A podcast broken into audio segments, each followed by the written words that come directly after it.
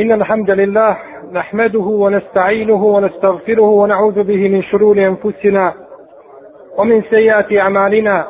من يهده الله فهو المهتدي ومن يضلل فلن تجد له وليا مرشدا. وأشهد أن لا إله إلا الله وحده لا شريك له وأشهد أن محمدا عبده ونبيه ورسوله وصفيه من خلقه وخليله. أدى الأمانة وبلغ رسالة ونصح الأمة وكشف الله تعالى به الغمة وجاهد في الله حق جهاده حتى يتاه اليقين. يا أيها الذين آمنوا اتقوا الله حق تقاته ولا تموتن إلا وأنتم مسلمون. يا أيها الناس اتقوا ربكم الذي خلقكم من نفس واحدة وخلق منها زوجها وبث منهما رجالا كثيرا ونساء واتقوا الله الذي تساءلون به والأرحام إن الله كان عليكم رقيبا. يا أيها الذين آمنوا اتقوا الله وقولوا قولا سديدا. يصلح لكم أعمالكم ويغفر لكم ذنوبكم. ومن يطع الله ورسوله فقد فاز فوزا عظيما. أما بعد فإن أحسن الكلام كلام الله. وخير الهدي هدي محمد صلى الله عليه وسلم. وشر الأمور محدثاتها. وكل محدثة بدعة وكل بدعة ضلالة. وكل ضلالة في النار Draga moja braćo, u istinu je naš plemeniti gospodar obdario čovjeka brojnim blagodatima koje u istinu ne bi mogao pobrojati koliko god da se trudio. Nema dvojde za muslimana koji je spoznao Allahovu tebarake wa ta'ala vjeru i spoznao vrline, vrline ove uzvišene vjere, da je to najveći nijamet i najveća blagodat koju mu je Allah Žešanu podario na zemlji. Nijamet vjere i nijamet dina. Ta blagodat je, braćo, veća kod Allaha Đelešanu i kod nas samih nego blagodat postojanja. Nego blagodat postojanja. Jer čovjek koji postoji na ovoj zemlji i koji živi na ovoj zemlji, ako ne živi sa vjerom, ako ne živi sa vjerom, njegov završetak će biti u džehennemu. U vječnim kaznama, u bolnoj patnji. Pa je onda nepostojanje bolje, bolje od života bez vjere. Tako je da je vjera najveća blagodat kojom nas je uzvišeni Allah te barake wa ta'ala obskrbio. Posljednja vjera koja je dokinula sve prethodne šerijate i ne prima uzvišeni Allah te barake wa ta'ala druge mimo nje. Kaže naš poslanik sallallahu alaihi wa sallam u hadisu koga je zabilježio imam Tirmizi Ibn Hibban i Tabarani sa vjerodostojnim lancem prenosila sa po ocjeni imama Tirmizije Tuba limen hudije ila l'islam blago se onome ko bude upućen u islam. Velike li sreće onome koga uzvišeni Allah te barake wa ta'ala uputi u islam. Tuba u drugom značenju znači da mu pripada drvo u džennetu. Koji se zove tuba. Pripada mu drvo u džennetu onome koga je Allah uputio u islam. A u predaji koju je zabilježio Ibnu Mađe, imam Hakim i također Tabarani, sa lancem prenosilaca za koga imam hakim i zehebi kažu da je vjerodostojan, kaže Allahov vjerovjesnik sallallahu alaihi wasallame, sallame, aflaha men hudije ila islam. Uspio je, uspio je onaj koga Allah Žešanu uputio u islam. I to je pravi, i to je pravi uspjeh. Nakon upute u islam, nema veće blagodati za čovjeka od te da ga uzvišeni Allah tabaraka wa ta'ala uputi da bude sledbenik sunneta. Sunneta poslanika sallallahu alaihi wa sallam. Najveća blagodat. Zato je imam Ahmed govorio Alhamdulillah ala l'islam wa ala sunna. Hvala Allahu Đelešanu na islamu i na sunnetu. Pa zar nije sunnet dio islama? Zar to nije sastavni dio islama? Tio je imam Ahmed ovim riječima da pokaže da ima mnogo ljudi koji se smatraju muslimanima, ali se drže sunneta Allahovog poslanika sallallahu alaihi wa sallam. Pa hoće da ukaže na njih. Najveća blagodat nakon islama jeste da čovjek bude sredbenik suneta poslanika sallallahu alaihi wa sallam. Kaže Ebu Alije, jedan poznati tabin, Kaže uzvišeni Allah te barake o teala je, kaže, prema meni potpunio svoje blagodati sa dvije strane. Sa jedne strane što me je učinio muslimanom, između svih ostalih nevjernika. Između svih nevjernika, Allah Želšanu je učinio mene jednim od muslimana. A sa druge strane učinio me između svih muslimana sredbenikom sunneta poslanika sallallahu alaihi wa sallam. Jer neće uzvišeni Allah te barake wa ta'ala primiti od ljudi njihova djela, osim na način kako je to činio Allahu vjerovjesnik sallallahu alaihi wa sallam. I zato kaže Ibn Omer, kako bideš Ibn Sad, u Epabakatul Kubra sa vjerodostojnim lancem prenosilaca, kaže, sunnetu u islamu pripada veće mjesto nego što islamu pripada u drugim nevjerničkim ili među drugim nevjerničkim religijama ili drugim nevjerama. Sunnet u islamu ima veće mjesto nego što ima islam među tim drugim nevjerama. Draga moja braćo, kada bismo nastojali da pokupimo i da prikupimo, saberemo sve šarijatsko pravne dokaze iz Kur'ana i sunneta, iz džmaa islamskih učenjaka, iz a, mišljenja islamskih pravnika o obavezi i vrijednosti sljeđenja sunneta, bojim se da to nikada ne bismo mogli učiniti. To bi bio jako naporan posao. Takav bi posao iziskivao da se napravi čitava jedna biblioteka. O dokazima koji ukazuju na obavezu sljeđenja sunneta. I mi ćemo danas uz Allahovu te barake o teala pomoć govoriti o sunnetu poslanika sallallahu alaihi wa sallame. Time su nas zadužili organizatori ovoga našeg Mubarek programa, inša Allahu Teala. Kaže uzvišeni naš gospodar, subhane, وَمَا آتَاكُمُ الرَّسُولُ فَخُذُوهُ وَمَا نَحَاكُمْ عَنْهُ فَانْتَهُوا وَاتَّكُوا اللَّهِ إِنَّ اللَّهَ شَدِيدُ الْعِقَابِ A ono što vam da Allahov poslanik, vi to uzmite. A ono što vam zabrani, toga se klonite i toga se prođite. Toga se klonite i toga se prođite, ono što vam zabrani poslanik. Otekun Allah i bojite se Allaha, inna Allahe šedidul iqab, Allah žešanu u istinu žestoko kažnjava. Koga? Onoga ko se ne prihvati za ono što mu je dao poslanik, što mu je naredio, niti ostavi ono što je poslanik sam zabranio. Za takvog je uzvišen je Allah te barake wa ta'ala šedidul iqab, onaj koji žestoko i silno i silno kažnjava. I kaže uzvišeni gospodar Tebarake wa ta'ala Kul in kuntum tuhibbuna Allahe fattabi'uni yuhbibkum Allah wa yaghfir lakum dhunubakum wallahu gafurur rahim. Reci o Muhammede, reci svim ljudima i prenesi svim svojim sredbenicima ako volite Allaha, mene slijedite. Evo vam, draga moja braćo, kuranske vage precizne kuranske vage koja važe ljudska djela. Svako onaj ko razgovara da voli poslanika sallallahu alaihi wasallam i da ga slijedi, evo mu vage i nizana na osnovu koga može provjeriti svoj iman i svoje vjerovanje i svoju ljubav prema Allahu Đelešanuhu. Reci ako Allaha volite, mene slijedite. Juhbibkumullah. Allah će vas voljeti tada. Ako tako budete čini, Allah će vas voljeti. Samo to Ne nikako. O jak kedakum i Allah će vam vaše grijehe oprostiti. On će vas u džennetske vrtove i džennetska prostranstva uvesti. Ovo je, dakle, draga moja braćo, precizna vaga. Uzvišeni Allah, tvarak je oteala, kod njega je apsolutna pravda. Nema kod njega ni koliko zrno gorušice nepravde.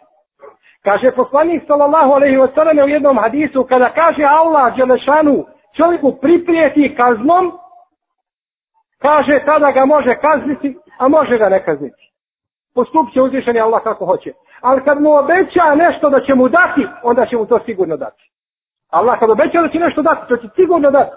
A kad kaže da će te kazniti, onda će te može kazniti, možda i neće. ste milosti gospodara se barek je o teala. Hak i istina, pravda. To je na dunjaluku za ljude, tako na hiretu. Kaže Allah se barak je o teala, wal vozmu jaume izinil haq. A toga dana istina I vaga biće, vaga biće na istini postavljena. Toga dana, kada se ljudska djela budu vagala, biće vaga na istini i uzvišeni, postavljena, jel, i uzvišeni Allah te barak je ta'ala, neće nikome nepravdu učiniti. Draga moja braćo, Allahu poslanik sallallahu alaihi wa sallam je počašćen svetom. I neka niko ne pomisli da je sunnet Allahov poslanik govorio tek tako od sebe. Sunnet je objava od Allaha te barake wa ta'ala. Kao što je Kur'an objava, tako je i sunnet objava od Allaha te barake wa ta'ala. Objavljivano poslaniku, nije on govorio po svome nahođenju. وَمَا يَنْتِقُ عَنِ الْحَوَا إِنْ هُوَ إِلَّا وَحْيٌ يُوحَا I on ne govori po hiru svome i po prostorima i nahođenjima svojim, to je znatna ovaj objava koja mu se obzanjuje od njegovog gospodara se barake o teara. I kaže uzvišeni وَأَنْزَلْنَا إِلَيْكَ الذِّكْرَ لِتُبَيِّنَ لِلنَّاسِ مَا نُزِّلَ إِلَيْهِمْ I mi smo tebi pustili zikr, to je Kur'an, da bi ti ljudima njega pojasnio, da bi pojasnio njima ono što im se objavljuje, da bi im pojasnio to svojim, svojim sunnetom. I zato kaže poslanik sallallahu alaihi wa sallam u predaji koji bliže ima Nebu Davud, ima Mahmed, El Merwazi i Tahavi sa vjerodostojnim lancem prenosila sa Ela inni utitu Kur'an po mislehu mahu. U istinu meni je dat Kur'an i dato mi je sa Kur'anom ono što je slično, ono što je slično Kur'anu. I bilježi imam Al-Khatib Al-Baghdadi u svome dijelu Al-Faqih Al-Mutafaqih i Ibn Batta u svome dijelu Al-Ibane el nabi Kjaj u svome dijelu Šerhu Sulubi Etikad da je Hassan ibn Fatije, jedan poznati tabin, rekao dolazio je Džibril alaihi salam poslaniku sallallahu alaihi wasallam sa sunnetom kao što mu je dolazio sa Kur'anom. Kako mu je dolazio sa sunnetom, tako mu je dolazio sa Kur'anom i objavljivao ga. Kako mu je oprosti, dolazio sa Kur'anom, tako mu je dolazio sa sunnetom i objavljivao ga njemu. I kaže, ja sam htio da hađeru Fethul Bari da ova predanja dostojna. I zato, draga moja braćo, trud koji je uložen za uočuvanje sunneta poslanika sallallahu alaihi wa sallam je kao veći trud koji je uložen za očuvanje Kur'ana. Napadi na Kur'an nisu ni približni koliko su napadi na sunnet poslanika sallallahu alaihi wa sallam. Jer nikada nije se pojavila neka grupacija nevjernika ili iskrivena sekta muslimana, iako se desio to jako rijetko da kažu da u ajetu, da u Kur'anu ima nešto što nedostaje, ili da u Kur'anu ubace neki novi ajet. To se rijetko dešava. Ali se sva briga vodi oko hadisa poslanika sa osrem. To je ono oko čega se koplja lome. Tu je opstati ili ne opstati.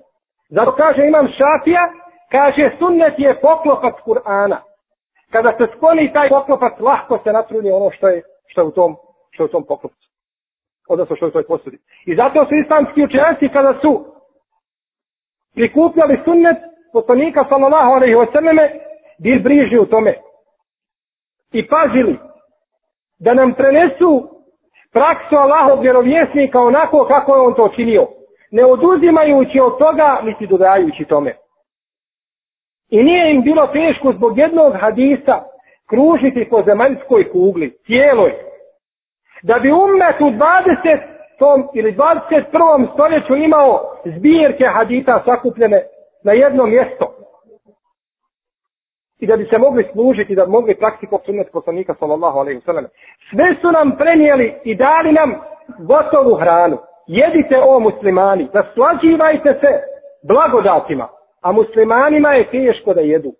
Teško im je da uzmu taj hadis, da ga praktikuju, a nisu se trudili za taj hadis, da ga oni sačuvaju. Pogledajte jednu priču koju je zabilježio Ibn Hibban u svome dijelu El Međruhin, i koju je zabilježio El Hatib El Bagdadi u svome dijelu El Kifaje fi ilmi rivaje od Šobeta ibn Hadađa, jednog velikog islamskog učenjaka i muhaddisa. Dolazili su njemu islamski pravnici da uzimaju od njega hadis. Pa je jedne prilike ispred njegovih vrata sjela jedna skupina učenjaka i čekali ga da iziđe da im govori hadisa poslanika sallallahu alaihi wa sallam.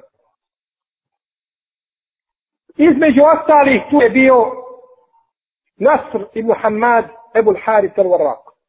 Jedan od ravija koji ima loše pamćenje.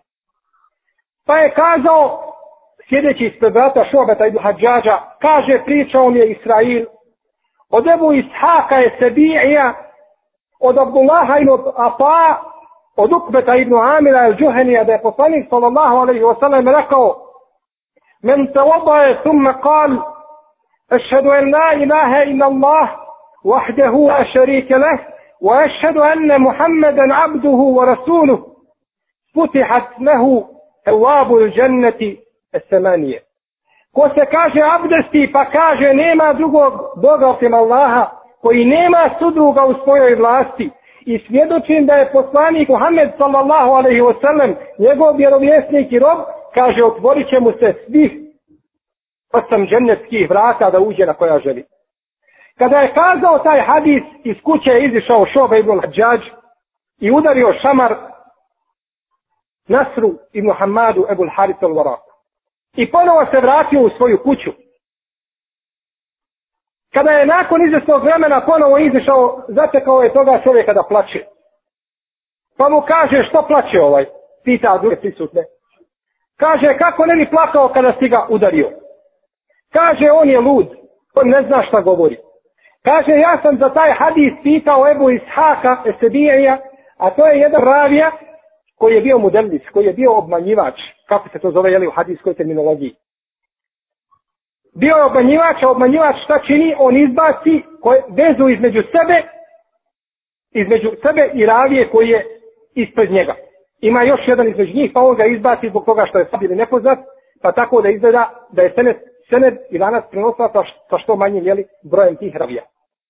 Kaže, ja sam ga upitao, jeste li ti taj hadis čuo od Ukbeta ibn Amira, kaže, pa se razljutio. Jer je šuo ga njegovu mahanu, šta je on učinio? Nakon toga kazali su šobetu, kažu mu, Abdullah ibn Apa, taj od koga vam prenosi hadis, je živ u Mekki. je u Mekki, idi pa ga pitaj. A šube živi gdje u Basri? To je dvije i po hiljade kilometara do Mekke. Najmanje, ako nije više. Na devi. Pa sam se, kaže, spremio kad je bio hađ i kad su došli, kad, kad je došlo vrijeme hađa, spremio sam se i uputio se za Meku. Kaže, mene zanima hadis, mene ne zanima hađ. Zanima me hadis, ja sam hađ obavio. Hađija sam, jeli? A drugi hađ je za mene, šta, na fila. Ali je dolazak do toga hadisa smatrao sebi vađivom, brzo, koga je sve propustio.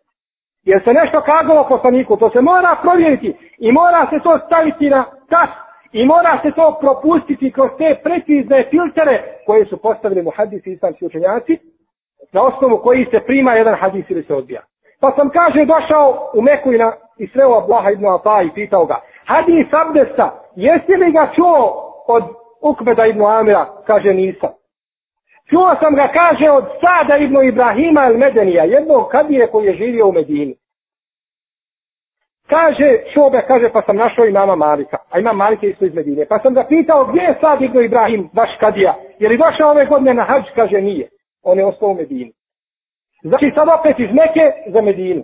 Kaže, kad sam završio hađske obrede, vratio sam se iz Meke i putio sam za Medinu. Kad sam za Medinu, našao sam Sada ibn Ibrahima.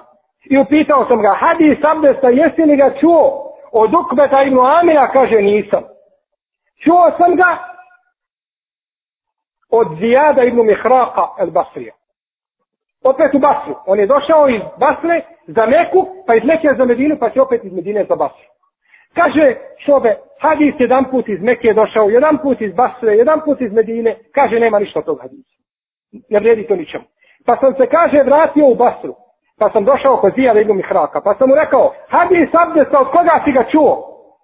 Kaže, up, kakav si mi došao? Kaže, idi, kaže, pa se okupaj i dotiraj se. Bio je čovjek prljav od puta. Kaže, sredi se pa mi dođi pa ću ti ja pričati hadis. Jer tako su radili mu hadis ima Malik, kada bi mu neko došao i pitao, hoćeš li petvu, kaže, neću, hoću hadise, kaže onda sačekaj. Pa bi ošao pa se abdestio, pa pričao hadise poslanika sa ovo a on pod taharetom i pod abdestom. Ne bi to činio bez abdesta. Ušao je, kaže, pa sam otišao i okupao se, pre, presnukao se odjeću i došao kod Zijada ibn Mihraka, pa ga upitao, hadis abdesta, od koga si ga čuo? Kaže, Kaže, to je od vas, kaže, vaš je to, kaže, hadis. To je, kaže, čuo sam ga u Šahra ibn Haušeba. A kaže, Šehr ibn Haušeb ga je čuo od Ebu Rejhane, Abdullaha ibn Atara, al Basrija. Vidite hadis koga su spomenuli. Četiri, la, četiri ravije fale u ome hadisu koga su naveli. Četiri ravije nedostaju. Nedostaje prvo Sad ibn Ibrahim el Medeni onaj kadija. Pa nedostaje Zijad ibn Mihraq, pa nedostaje Šehr ibn Haušeb, pa nedostaje Ebu Rejhane, Abdullah ibn Matar. Četiri nedostaju.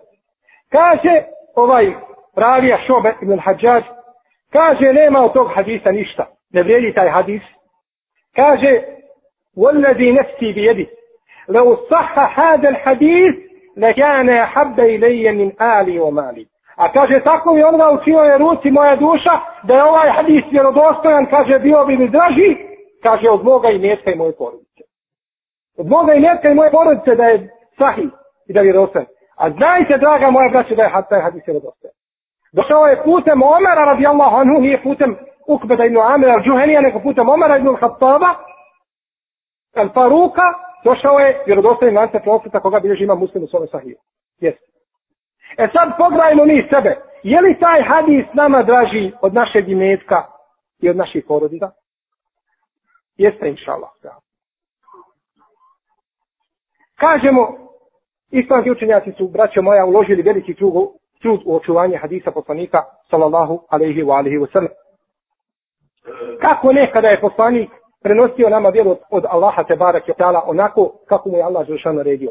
Sve je doslovno prenio. Ja, Eyuhan Rasul, belih ma unzir ilajke mi rabbik, wa illam tefa'al fema belakta risalete. Wallah, wallahu ja'asimu ke minan nas.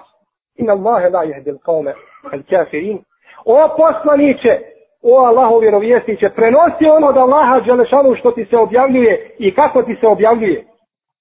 A ako tako ne postupiš, nisi prenio svoj rad u poslanicu. Allah će te sačuvati od ljudi. Ne mogu tebi ljudi nauditi. Allah neće uputiti na pravi put nevjernički, nevjernički narod. I zato je, draga moja braćo,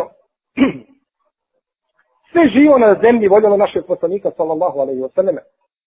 Bileži imam Buharija u svome sahihu, od Džabira radijallahu anhu, su napravili, ili da je poslanik imao jedan dao panj sa koga je držao put. Jedan panj. Pa su upitali poslanika, Allahu poslaniće, da ti mi napravimo jedan mimbar.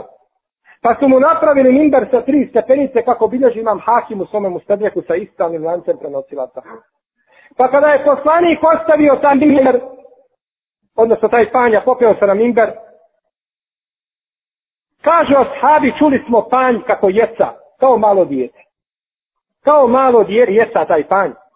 U predaji koju bilježi ima Mahmed u svome musnadu kaže, kaže Habi, Fahar el džizal je huvari tovr. Kaže, pa je panj rikao kao boš riče. Tako kažu. Plakao za poslanikom sallallahu sallam. A u trećem rivajtu opet je rodostojom da mu je poslanik rekao, kaže, ako hoćeš, kaže, pokopat ću te negdje u pustinji, kaže, pa će, pa ćeš izrasti jedno veliko drvo, pa će ljudi jesti sa tvojih plodova. I biti radosti tvojim plodovima. A ako hoćeš, kaže, da te pokopam, pa da budeš jedno od dženeckih drva. Pa je kazao panj, svakako da će biti, inša Allah, jedno od dženeckih drva. Pa ga je pokopao, pa će to, inša Allah, drvo biti jedno od dženeckih drva. Zato kaže El Mubarek ibn Fudale, kaže, kad bi sjedio sa Hasanom El Basrijem, kaže, on bi kazao, kad bi spomenuo ovaj hadis, o Allahovi robovi, panj, panj jedan obični, kaže, plaće za poslanikom, sallallahu sallam. Pa kaže, vi ste preći da plaćete. Vi ste preći da plaćete za Allahovim vjerovjesnikom, sallallahu alaihi wa sallam. I kaže Amr ibn Uvejs, ili Amr ibn Suvejs, kaže, bio sam jedne prilike u halki kod imama Šafije. Kod imama Šafije, jednog velikog ili sa pravom možemo reći od najvećih faqiha ovoga ummeta, Muhammed ibn Idris, ibn Abbas, Ešafi, Ebu Abdullah koji je umro, umro 204. hijđarske godine. Draga moja braćo, pamtite ova imena. Dobro pamtite imena i godine kada su naši islamski učenjaci preselili sa ovoga svijeta. Muslimani treba da se ponose sa sirom naših učenjaka. Ne trebaju muslimani da pamte imena igrača, i svirača i ple, plesača i plivača i tako dalje. Treba da pamte siru ovih ljudi. Nismo zadovoljni i boli nas to kada musliman kaže je li to imam surutija bio tabin. A da ga upitaš možda za bilo kog igrača gdje igra i pošto igra i kada će završiti njegov ugovor i tako dalje, sve zna. Ovo je sira naše uleme koju mi moramo učiti i koju moramo pamtiti. I mena naših učenjaka. Kaže, sjedio sam, kaže ovaj Amr ibn Sulejd, sjedio sam, kaže, u halki sa imamom Šafijom, pa je rekao imam Šafija, kaže, nikad ni jedan poslanik nije dobio ono što je dobio naš poslanik od muđiza. Kaže, pa sam mu rekao, a kaže to što je Isa alaih salam oživljavao mrtve, šta ćeš sada? Kako sada dokazati? Ono Jer mrtav se ne može, to je najveća muđiza da se mrtav oživi. A pogledajte kako islamski učenjaci odgovaraju svjetlom koji, koga je njima Allah Đelšanu dao. Svjetlom. Pa kaže, kaže, tako mi Allaha, kaže, panj koji je plakao za poslanikom sa osanem je, kaže, veća muđiza nego oživljavanje mrtvi. Kako to? Kaže, taj mrtvi čovjek koji je umro, on je u principu u osnovi bio živa osoba koji je pričao. A taj panj koji plaće i priča sa poslanikom nikada nije pričao. On u svojoj osnovi ne priča. On je s te strane mrtva priroda. Pa je s te strane muđiza poslanika, sallallahu alaihi wa sallam, veća nego muđiza Isale, Isale i sallam. I sve je znalo vrijednost našeg poslanika Muhammeda, sallallahu alaihi wa sallam. Kaže Allahov vjerovjesnik, alaihi salatu wa sallam, u predaji koji zabilježio imam Ahmed, ما بين السماء والأرض إلا ليعلم أني رسول الله إلا عاصي الجن والإنس kaže tako mi Allah sve ono što je između nebesa i zemlje dobro zna da sam ja Allahov poslanik osim nepokornih ljudi i džina samo oni neće da svjedoče i samo se mi odmeću od toga da mi svjedoče da sam poslanik Pogledajte samo predaju koji je zadržao imam Ebu Davud u svome sunanu, ima Mahmed u svome musadu. Od Abdullaha ibn Džafara kaže ušao je poslanik sallallahu alaihi wa sallam jedne prilike u jedan od vrtova jednog od ensarija. Pa je kaže tu vidio kaže jednu devu. Kaže, kada je ugledao tu devu i kada je deva ugledala poslanika, sallallahu alaihi wa sallam, kaže, njene su se oči napunile suzama. I počela je plakati. Počela je plakati. Kaže Ibnu Kesir u svome dijelu, el bidajem on nihaje da je ovaj hadis mutevatir. Počela je deva plakati pred poslanikom, sallallahu alaihi wa sallam, pa je poslanik upitao, čija je ovo deva? Pa je jedan dječak, momak od Ensarija, rekao, to je moja deva. Pa je kazao, أفلا تتقي الله في هذه البهيمة التي ملكك الله إياها فإنه أي الجمل شكى إلي أنك تجيعه وتدئبه kaže zar se ne bojiš Allaha Đelešanuhu zbog ove životinje koju ti Allah dao i tebi je podčinio ona mi se žali i kaže da je ti patiš glađu i da je mučiš sa napornim radovima Deva se obraća poslaniku sallallahu alaihi wa sallam. Deva je ta koja zna da je poslanik alaihi salatu wa sallam poslan kao milost svjetovima. Oma arselnake illa rahmeten lil alamin. Postali smo te ni za što drugo, ništa nego samo kao milost tim svjetovima. Ljudskim, džinskim, svemu živom što je na zemlji. Što se misli i što se ne misli je bio poslanik milost. Svemu živom. U predaji koji obilježi imam El Bezar i Ahmed dobrim lancem prenosilaca, kaže se da je jedan put skupina Ensarija došla kod poslanika sallallahu alaihi sallam i kazala o Allahov poslanića imamo devu. Kaže ne zvoljava da joj se priđe. Aspaha kel kel bil kelib. Kaže, postala je ta deva, kaže, kao pobjesneni pas. Niko ne može prići. Pa je poslanik došao kaže pokažite mi gdje je deva, pa je došao i prišao toj devi. U stvari kada je prilazio, kažu mu, Allah poslaniće, mi se bojimo za tebe. Pa je kazao, lejte alejje minhu besun. Kaže, ne bojte se, kaže, neće ona meni naškoditi. Kada je prišao poslanik, sallallahu alaihi wa sallam, je kao devi, na srđdu mu je pa. Deva na srđdu pala poslaniku, sallallahu alaihi wa sallam, pa je poslanik stavio na nju tu rad opremu i kazao, nikad više nećete sa njom imati problema. Pa je ušla u rad, i ponovo radila i napajala jetinje. Kažu ashabi Allahov poslaniće, devati na seždu pada, pa nismo preći da ti seždu činimo. Kaže, ne, nikako. Da sam naredio nekome da učini seždu nekome, onda bi, kaže, naredio ženi da učini seždu svome mužu. Ženi da učini svome mužu zbog haka i prava koje ima muž, koje ima muž kod svoje, kod svoje žene. I bilo že ima Mahmed u svome musnedu, sa lance sa za koga kaže Ibnu Kesir da je dobar, a kaže Imam Elbu Siri da je vjerodostojan. Kaže da je jednog dana poslanik, ali je Hissanatu Veselam, sjedio pod jednim drvetom. Pa je došao jedan mušrik i pitao ga, Mohamede, koga tebi svjedoči još da si ti poslanik? Da vidim. Kaže poslanik, sallallahu sallam, sve mi živo svjedoči da sam ja poslanik. Kaže, pa daj mi nekoga ko će ti posvjedočiti. Pa je poslanik u dolini je bilo jedno drvo daleko, pa je poslanik pozvao to drvo. Pa se zemlja rasporila i to je drvo prišlo do poslanika sallallahu alaihi wasallam. I rekao, svjedočimo Allahov poslaniće, poklonilo se poslaniku i kaže, svjedočim da si Allahov poslanik i ponovo se vratio na svoje mjesto. Pa je taj mušlik u istom mahu primio, primio islam. I biloži, imam knjizi Ibn Adi Šejbe, da jedne prilike poslanik sallallahu alejhi ve sellem izišao u Šam. Pa kada je kada je došao do jednog do jednog svećenika, rekao je kaže ovaj čovjek nije kaže prošao ni pored jednog drveta niti kamena a kaže da mu nije učinio nešto. Poslaniku sallallahu alejhi ve sellem. Seždu pozdrava poslaniku sallallahu alejhi ve sellem. Jeste draga moja braćo. Ovo je stira i ovo je taj poslanik koga se danas nažalost, i na veliku žalost, stidi jedan dio muslimana. Stide se poslanika, sallallahu alaihi wasallam. I treba da se stide. U pravu treba da se stide. Ali treba da se stide zbog svoga stida. Zbog svoga stida, treba i zbog toga da se stide. Kako da se stide čovjeka kome nevjernici svjedoče, današnji nevjernici kroz istoriju, svjedoče mu nevjernici da je to bio najveći reformator i čovjek koji je bio najljepšeg ahlaka i najvećeg ponaš, najljepšeg ponašanja i da je on najveći broj ljudi uveo u svoju vjeru za najkraće vrijeme na najljepši, na najljepši mogući, najljepši mogući način.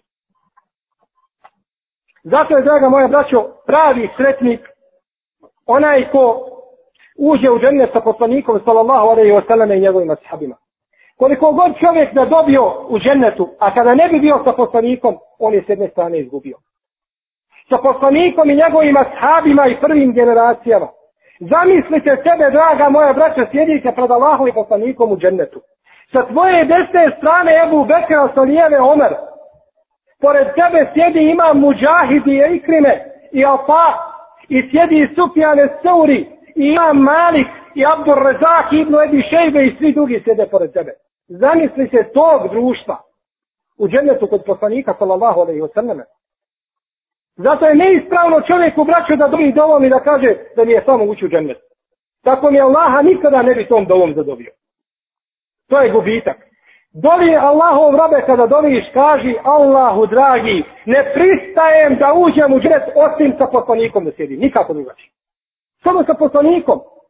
Od Allaha traži, Allah će ti dati ono što tražiš. Sa našim vjerovjesnikom, sallallahu alaihi wa sallam, Bliži nam Buharija u svome sahihu od Enesa radijallahu anhu. Da je rekao, kaže, došao je čovjek poslaniku, ale i salatu veselam i kazao mu, o Allahu poslaniće. I upitao ga, kada će, kaže, sudnji dan? Pa mu je kazao poslanik, sallallahu alaihi sallam, a kaže, šta si ti to pripremio za sudnji dan?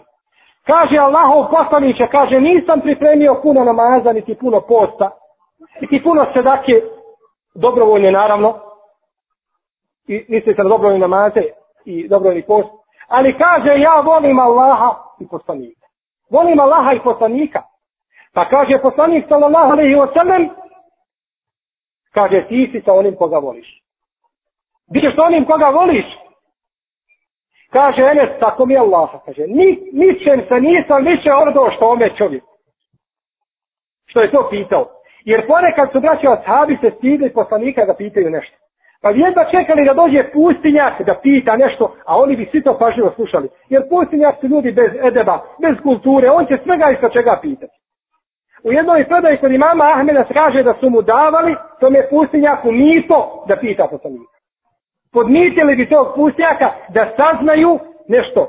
Ono što oni nisu mogli, ono što oni nisu mogli pitati. Kaže, kaže, pa se nisam, kaže, ničemu više obradovao. Kaže, ničemu više. Kaže, tako mi Allaha, kaže, ja volim Allaha i volim poslanika i volim Nebu Beka i volim Omera i očekujemo od Allaha da budem u džennetu sa njima, iako, kaže, moja djela nisu kod njihova djela. Ne mogu tvoja biti djela kod djela Ebu Beka i Omera, ko to može stići? A i voli njih, pa će Allah zbog te ljubavi prema njima dati tebi da budeš u njihovom društvu. I sjetite se onoga čovjeka u hadisu koga je zabilježio imam Buharija u svome sahihu, Jedan je čovjek pio alkohol, pa su ga bićevali. Pa je ponovo bio, pio, pa su ga bićevali tako par puta. Pa su jedan put kazali, Lanehum ba. Ma ekstere ma ju bihi. Allah ga prokleo. Jedan je rekao. Kaže, koliko samo puta pije vino i koliko puta biva bićevan. Pa je kazao poslanik, La te lanu.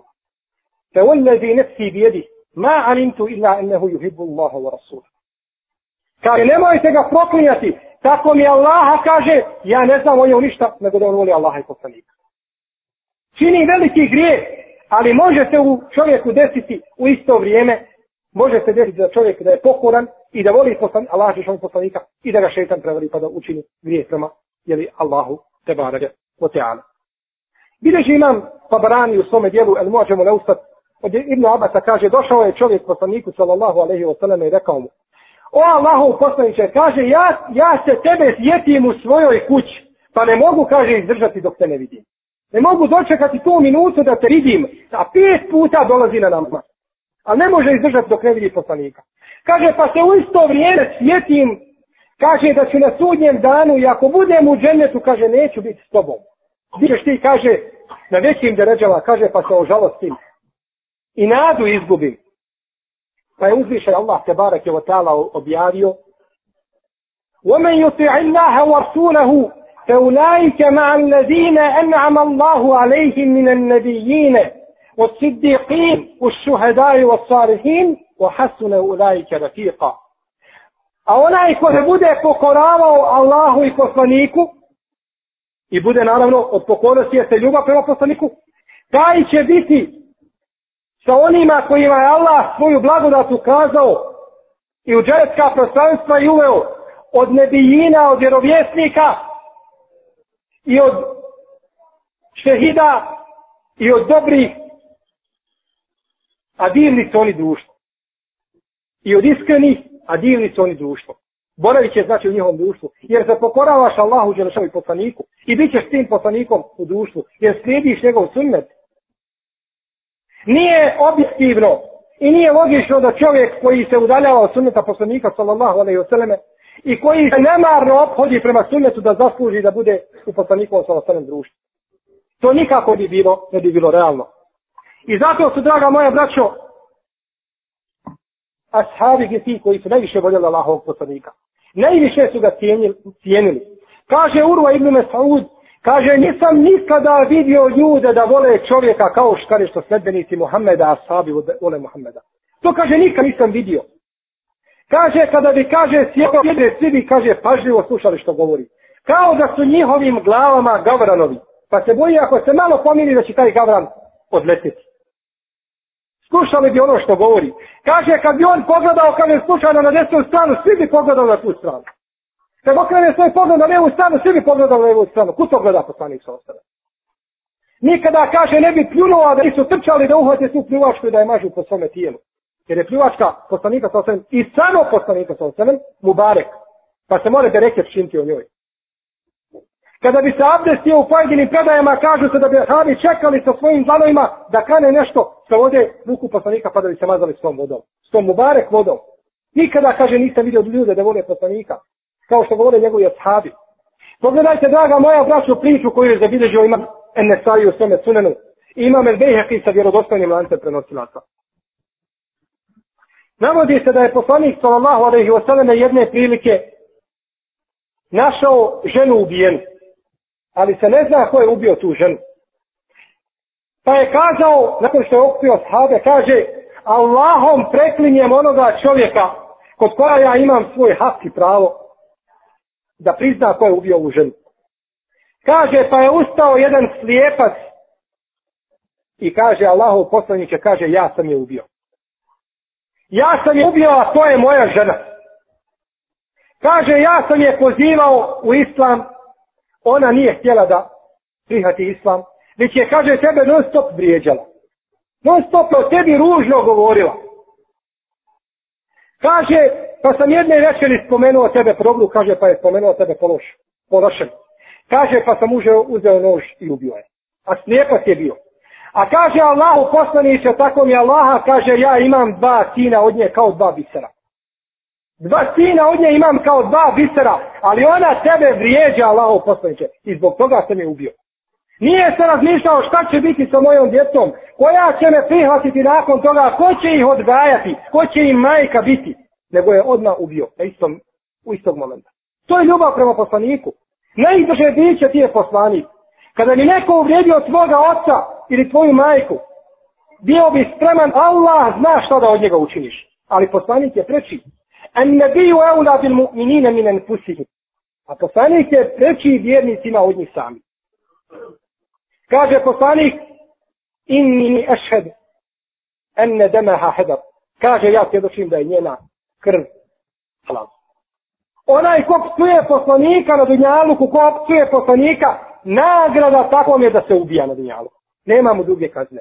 Ne odmah se ubija automatski. Ko uvredi poslanika? Bi na bilo koji način. Na bilo koji način. Pa čak bilo to i izokola. Da uvredi poslanika sa osanem, kako je volio žene i kako je koristio žene i slično tome, takav za su samo sablju, ništa drugo. Ne može se desiti za čovjeka za koga je Allah te barak je oteala rekao da je najljepšeg ahlaka i najljepšeg ponašanja i milost ljudima da se tako o njemu govori. A tako se danas piše u islamskom svijetu. Muhammed, veliki ljubavnik. Veliki naslov u novinama. I to se prešuti. Kada priča protiv šija ili protiv zabludnjenih sekti i kažu nemojte, kaže, zbog našeg jedinstva, nemojte dirati u njih. Pa gdje je jedinstvo naše kad se dira poslanik sallallahu alaihi sallam? Ko to reaguje? I kome to smeta?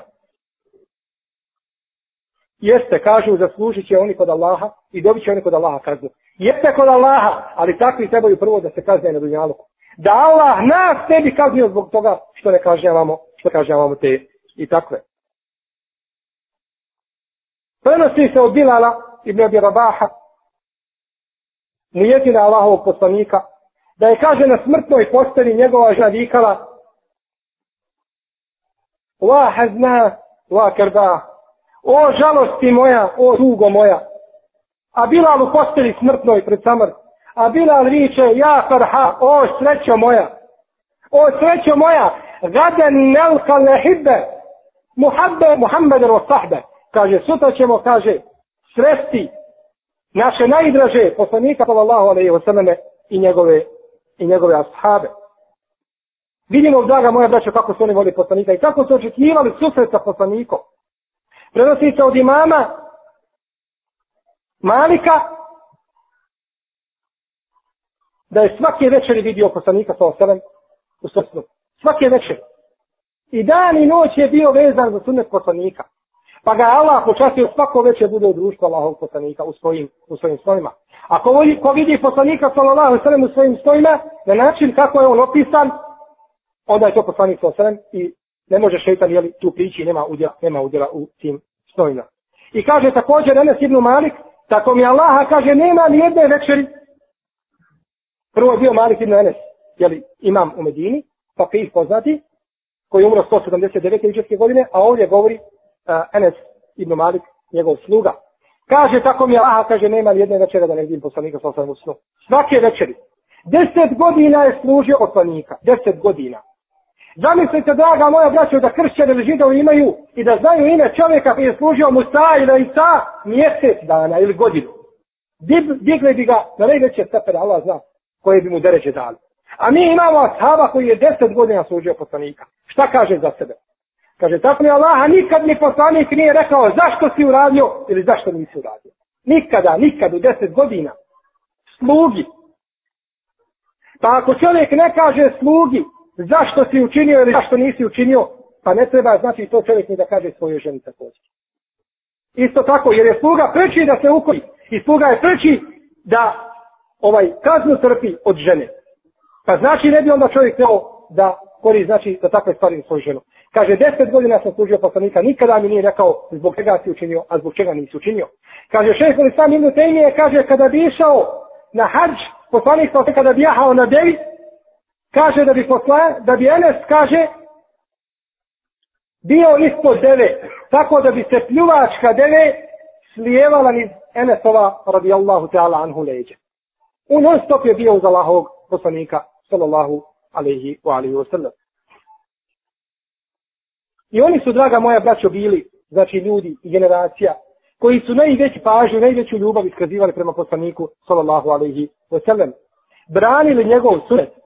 Kaže, imam Malik, kako navodi imam Šafibi u svome dijelu al muafakat, poslušajte, draga moja braćo, dobro ovu predaju. Dobro je, poslušajte i zapamtite ovu predaju. Kazao je imam Malik. Imam Malik ibn Enes. Kazao je ove riječi i ostaju one kao temelj svakome onome ko hoće da uprlja Allahu u Đelešanu djelu. Kaže Enes, kaže Malik ibn Enes, ko kaže,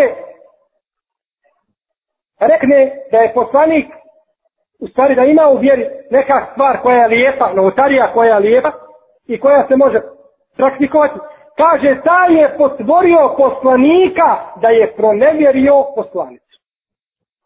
Ko kaže da ima u vjeri novotarija, ona lijepa, da se može praktikovati, kaže taj je potvorio poslanika da je pronevjerio poslanicu Risale. Zašto? Kaže, zar nije Allah žanu kazao, el jeume ekmentu lekum dinekom, danas sam ja vama vašu vjeru potpunio. Vjera potpuna.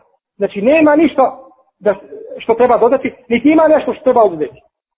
Malem jekun jeume idin dinen, fela jekunu dinen ila jeumi din, kaže imam Malik. Kaže, šta u ono vrijeme nije bila vjera? Kaže, tako mi Allaha neće biti vjera sve do sudnjeg dana.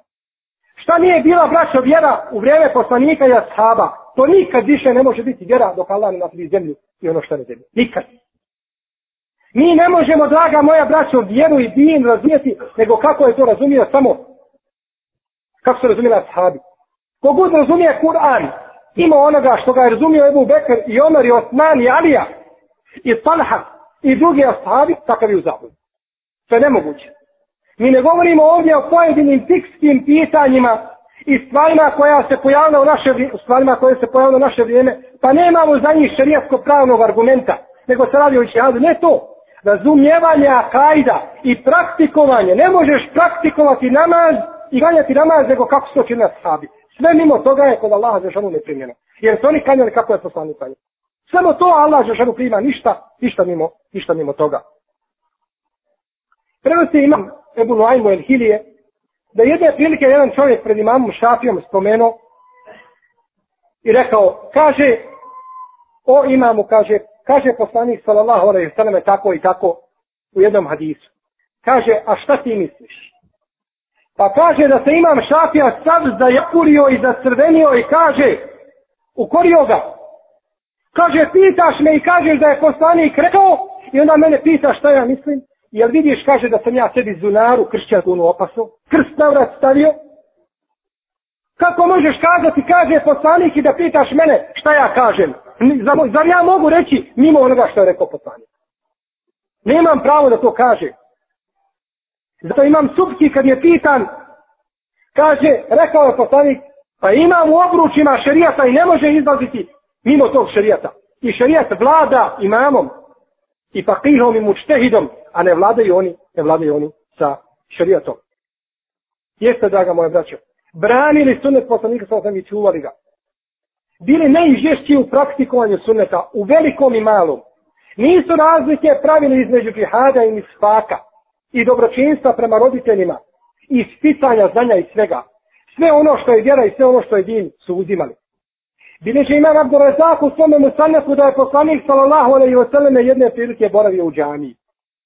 A nekoliko ashaba je stojalo. Pa je kazao sjednite.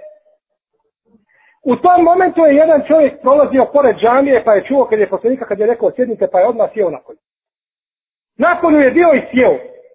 Kada je poslanik nakon izišao vremena izišao sa ashabima, pa vidio čovjek da sjedi, kaže, što ti Allaho robe, što sjediš? Kaže Allaho poslaniče, ti si rekao sjedni. Ja sam čuo tvoje reći sjedni. Ja ne znam ništa više nakon toga. Ja sam čuo tebe da mi ti naređuješ da ja učinim nešto. Iako nije naredba bila njemu, bila onima koji su džami. A nisam dobio od tebe dozvolu da ustane. Ja i dalje sjedim. To je, braćo, to je pokornost poslaniku sa osanem. Tako muslimani trebaju da se obhode. I kada bi se tako obhodili, sigurno bi naše stanje bilo kudi kamo drugačije. Ne bi bilo ovo što vidimo. Ne bi nas naše grudi, tek, u našim grudima nas teklo. I naša se srca kidala kad vidimo šta se radi od muslimana. A kako muslimani ne, pom ne mogu pomoći sami sebi, a kako da pomognu, a kako da pomognu drugima. Znali su, draga moja braćo, za nas ove generacije da je uspjeh u sunetu poslanika sallallahu alaihi wa sallam. Kako ne bi kada je poslanik naš sallallahu alaihi wa sallam rekao u predaji koji bliži imam el bejheti u šobu limanu, imam mamar ibn Rašid u svome dijelu el džane, da je poslanik sa osanem rekao, kaže, ma te rektu šejem yukarribukum min al dženneti o yuba'idukum anin nar illa kad bejentuhu lakum.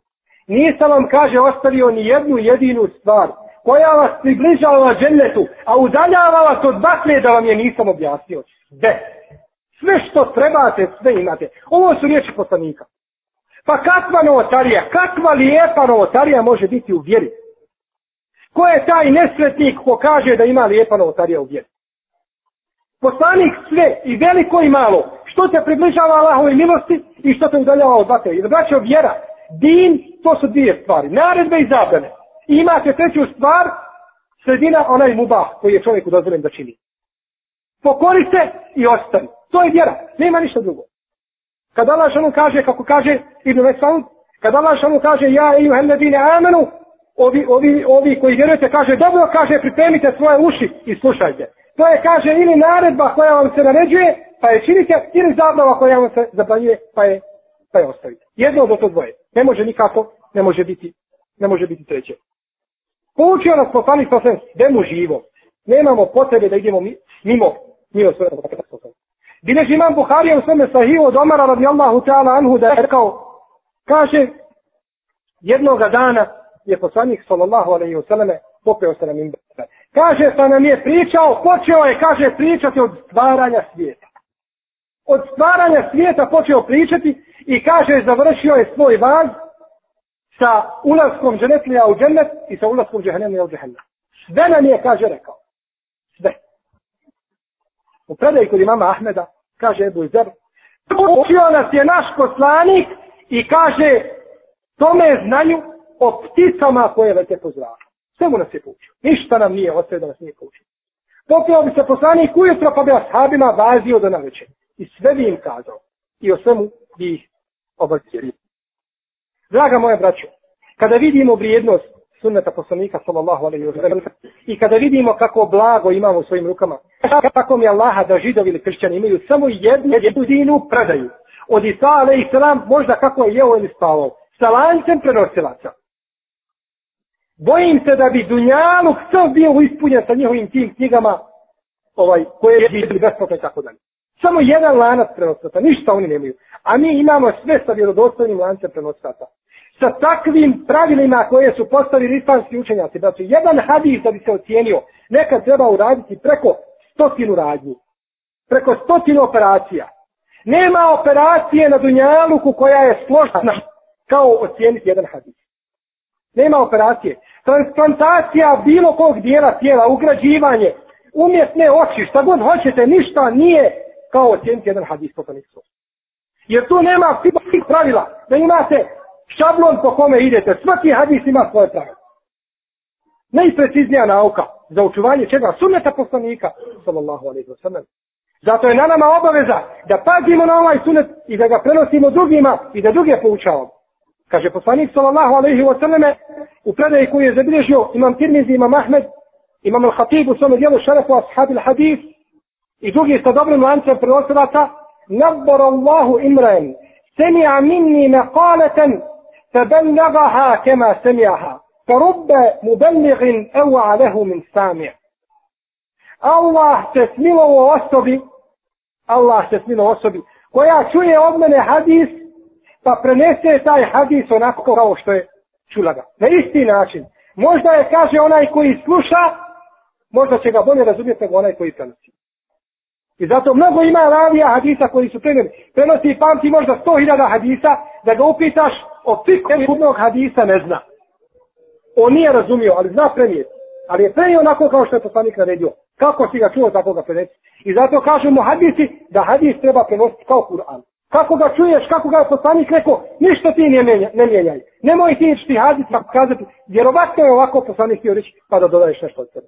Prenesi ga onako kao što si ga, kao što si ga čuo. I tako su radili ashabi poslanika Bili brižni da slušaju poslanika. Bili bliži da slušaju da to prenose. Pogledajte, draga moja braća, u predaju koji bliži imam Buharija u svome sahihu. U poglavlju, jako je bitno gdje je imam Buharija stavio ovo, ovo predanje. U poglavlje Elijati samu bil kitabi u sunne. U poglavlju držanja za Kur'an i za sunne. Od Ebu Hureyre kaže, slušajte, draga moja braća, u predaju, koja je bliža nekakvoj bajci. Tako nam Allaha da nije u Buhari nikada je ne povjerovali ali je u Buharinom sahihu i onda se tu završavaju sve priče. Kaže Ebu Hureyre, kaže, tako mi Allaha bio sam u džaniji i poslanika sallallahu alaihi wa sjedio. Kaže, pa bi se izvrnuo i kaže, glava bi mi se moja u pjesak zabola. Kaže, pa bi se ja svojim nogama odupirao i tako bi sve više glava išla u pjesak. Pa bi, kaže, prišao jedan od ashaba i kaže, svojim, kaže, stopalom pritisnuo moj brat. Kaže, ništajući da sam poludio. Misleći kaže da sam lud. Kaže, a tako mi Allaha nisam lud, kaže, nego sam gladan. Nego sam gladan. Nemam šta jesti. Pa sam se zbog toga, pa se zbog toga tako ponašao. Ne mogu više vladati sobom. A zašto? Zato što je non stop bio uz poslanika. Zato Omer radi Allah Anju govorio, zabavila je, kaže Omera, trgovina i udaranje dlana po dlan, jeli kada se pogađa na trgovini, na pijaci, dok je, kaže Ebu Hureyre, slušao hadise poslanika, sallallahu alaihi sallam, i prenosio ih. I pogledajte koliko mi danas više puta kažemo za Ebu Hureyre radi Allahu anu kad prenosimo za hadise, nego Omara, nego Ebu Bekra, nego Talhe i tako dalje. A sad koji je najviše hadisa prenio od poslanika, sallallahu alaihi wa alihi wa sallam. Mi vidimo, draga moja braćo, da u današnjem vremenu da je hadis poslanika sallallahu alejhi ve sellem i njegov sunnet ostavio zabilježen, ostao zabilježen samo u knjigama. Da se toga jako malo praktikuje. Braćo, predstoje još teža vremena nego ova vremena. Doći će braćo vremena kada ljudi neće poznavati sunnet. Danas ga poznaju, ali ga ne praktikuju. I to je zlo. Ali manje je zlo, jer čovjek kada ga poznaje, možda će ga početi praktikovati. Ali zlo je i svako zlo kad ga ne bude poznavao. Bileži Ibn Abdul Bar, jedan veliki islamski učenjak i malikijski pravnik, kaže u svome dijelu El Džame, Džamiju Bejani la ilmi o fadlihi, od Darađa ibn Semana je Sehmija da je rekao, kaže, doći će ljudima, to svakako ispravljaju lance prenosilaca, kaže, doći će ljudima vrijeme, kaže, kada će jedan od njih ugojiti svoju devu. Ugojit će svoju jahalicu, dobro je ugojiti. Kaže, pa će kružiti po zemaljskim prostranstvima da nađe jednog čovjeka da ga upita da li je nešto što čini sunnet ili nije. Pa ga kaže neće moći naći. Činiš jednu stvar. Danas uvijek se može, gdje god da živi na dunjaluku može se snaći. Ali doće vrijeme da će kružiti po zemaljskoj kugli. Ali neće moći naći čovjeka da mu kaže jeste to je sunnet ili nije sunnet, već je kaže govor, pa ja mislim, pa ja mislim. Mislim da jeste, mislim da nije. Mogao bi biti, ne biti i tako dalje. Niko nema dokaza argumenta da kaže to je sunnet ili nije sunnet. Dokaz mi je jedan da, nema toga. I bilješ imam tirmizi i drugi od Ibnu Mesauda da je rekao, kaže poslanik sa osanem, kaže doće ljudima vrijeme kaže kada će se dvojica razići u farzu, u jednom farzu, u jednom propisu koji je važiv, u postu, zekijatu, hađu i tako dalje. Pa će razići, pa jedan viće da je važiv, drugi viće da nije važiv osnovne stvari se neće znati. Ostaće kod ljudi samo la ilaha illa Allah, kako bilježi imam Ibn Mađe od Huzeyta radijallahu anhu. Ostaće ljudi na la, ništa će znati, toliko će se kaže islam habati, da neće ništa znati od islama. Nestaće islam. Pa će Allah Đelšanu uneti u lemu. Neće biti u leme. Neće biti znanja. Pa će Allah Đelšanu na kraju uzeti Kur'an. Kada ljudi jednoga jutra ostanu, nema Kur'ana u prstima, nema u leme koja je naučio Kur'an. A kada otvoje svoje ushafe, to sve bijele stranice. Nema ništa na njima. Bijele stranice. Nema više Kur'ana. A nema ga u prstima. Po čemu ćeš raditi? I to su najgora stvorenja sa kojima će uzvišeni Allah se barak sada da, da su prisudnji dan.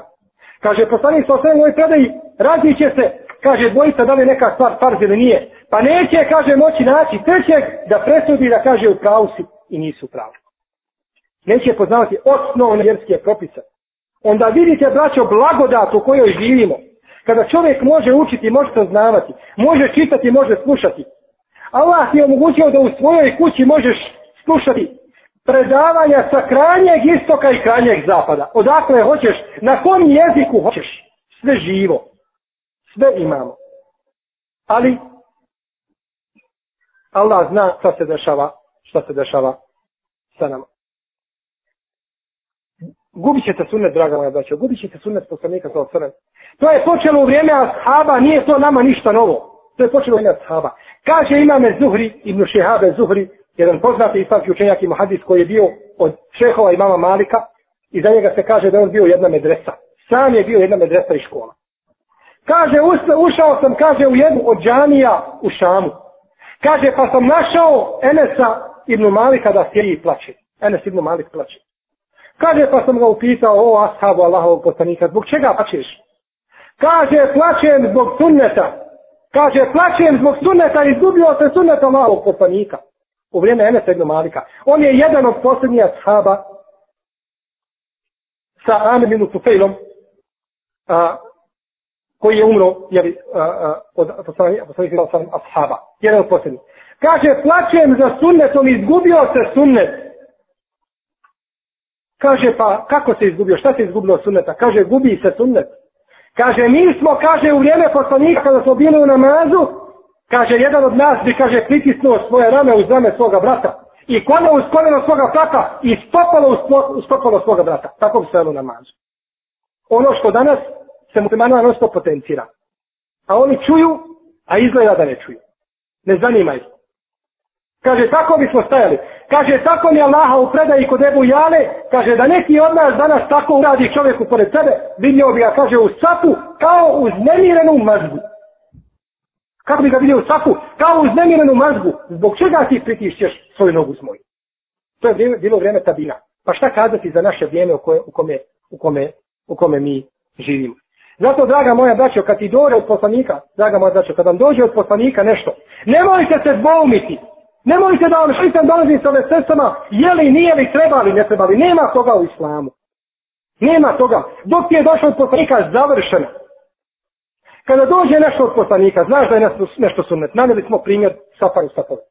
Znaš da je sunnet bio ashaba, kako bilože Buharija, Ibn Huzeyme i drugi, od Ebu Darda i Enesa radijallahu anhu, da se tako ashabi safali, a poslanik je u namazu vidio ashabe iza svojih leđa, kako bilježe Buharija i Muslim, znao je šta rade, nije mu to bilo skriveno. Ako znaš da se tako safali, da je to sunnet, i nakon toga nećeš da to učiniš. Znaš da je to sunnet, ubjeđen si i nećeš. Znate kako se to zove u šarijetu? To se zove u šarijetu kibur, oholost. Oholost. To je prava oholost. Onaj ko kaže znam da je sunet, ali neću da praktikujem. Kada čovjek kaže znam, ali ne mogu. Šeitan mi ne daj tako dalje, to je drugo. To ima drugi propis. Takav je ostavio sunnet, takav je ipak izgubio. Ali ko kaže neću, taj je ohol. Kaže, vallahi nisam ohol, vallahi si ohol. Htio, ne htio, tu više nema, nije sudjela. Znaš da je sunnet, nećeš gotovo, pogotovo te oholost. Nije oholost samo da čovjek kaže da zaniješi Allaha Đelešanu ili da zaniješi istinu tako da. Ne, oholost može biti u drugim stvarima. Jer je oholost, kako kaže poslanik sallallahu alaihi sallam, batrul haq o gantun nas. Zapravo haq, odbijanje, i prihvatanje istine. Neće da prihvatanje istine. Šta je djelo, kaže, znam da je sunnet, pa neš da radiš. Što je još gore? Znaš, a nećeš. E, zato ti je i takva kazna, da si ohol, da si, jeli, ohol. A oholnicima, braćo, i koji ne praktikuju sunnet i koji se smijaju sa sunnetom poslanika sa osvijem prihoda, pripada bolna kazna. Na dunjalu i na ahiretu. Neće tako biti usrećen. Pa vidjeti, vidjet ćete čovjeka koji možda je nekad sunetlija i drži se sunneta ili se nikad nije držao, ali se ismijava sa sunnetom, vidjet, vidjet ćete ga kao nesmirenu ličnost. Kao da je u njemu stotinu šeitana. Nikada se on ne može, ne može biti smiren. Nema on smiraja o svojoj duši.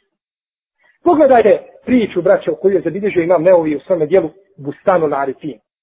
Kaže imam Neovi, kaže, u vrijeme, u naše vrijeme, kaže, bio je, kaže, čovjek koji je, kaže, bio zao veliki borac protiv sunneta poslanika, veliki neprijatelj sunneta poslanika, sallallahu alaihi sallam. A kaže, imao je sina koji je praktikovao sunnet i volio sunnet i volio nauku. Kaže, pa kada bi god taj njegov sin otišao kod svoga šeha da poučava znanje, on bi ga zadirkivao i provocirao ga. Pa se jedne prilike njegov sin vratio sam i svakom u ruci. Pogledajte, braćo, kako, kako završavaju oholnici. Kaže mu njegov otac, taj pokvarenjak, kaže, šta ti je to, šta je to što ti je dao tvoj šeh? Šta je to? Kaže, mislok, matharatu min ten, omardatu li rab. Matharatu min ten, to je čistoća za usta i zadovoljstvo gospodala. Kaže, imam Ibn Molekin u svome dijelu, Alasu Kubedre Munir, da ima preko stotinu hadisa koji govore o mislaku. Stotinu hadisa. Kaže, to je mislak. Kaže, daj to, kaže vam. Pa je uzeo taj mislak i stavio ga u svoj stvari dio tijela. Kaže, ovo ne vredi nigdje nego za ovdje. Pa je iskušan bolešću. Pa je iskušan bolešću. Počeo je stomak da mu se nadima. Nadima mu se stomak mjesec, dva, tri, dok nije došao do devet mjeseci. Nadima mu se stomak. Kad je bio devet mjeseci, kaže, napinjao se, napinjao se i rodio malu jednu životinju. Kao miš, imala je dugi rep i velike uši rogove. Pa je rodio takvu životinju sa istog mjesta gdje je stavio taj misvak. Nagrada shodno učinjenom dijelu.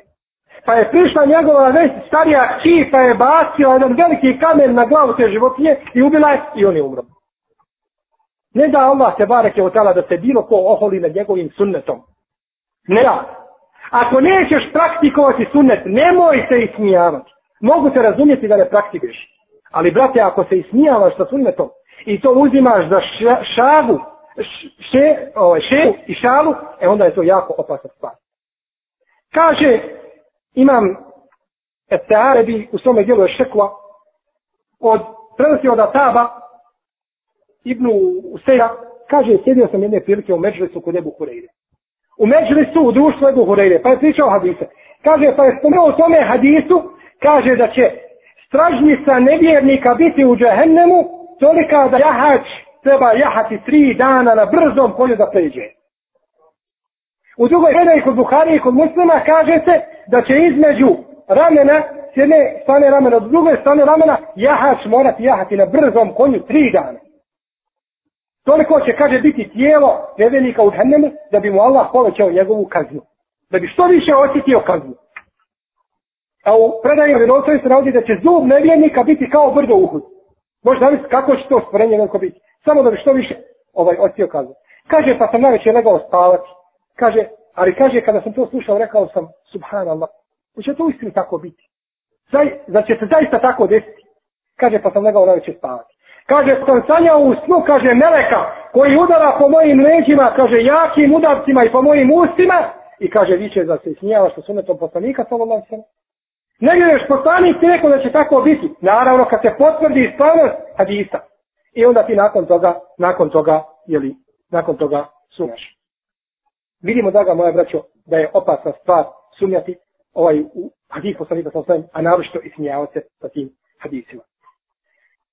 Nakon ovoga, cijenjena moja braćo, možemo rezimirati da je i konstatovati ono što su konstatovali oni prije nas da je nama sunet poslanika sa sam, sam prenešen do nas. Ispravno. Sačuvan do nas došao. Vidimo da danas u našem vremenu ima mnogo daija. Ima mnogo uleme. Ima onih koji govore i koji pozivaju istinu. No međutim, sa druge strane vidimo da nema promjene. Da su promjene ovaj neznatne u odnosu na trud koji se ulaže.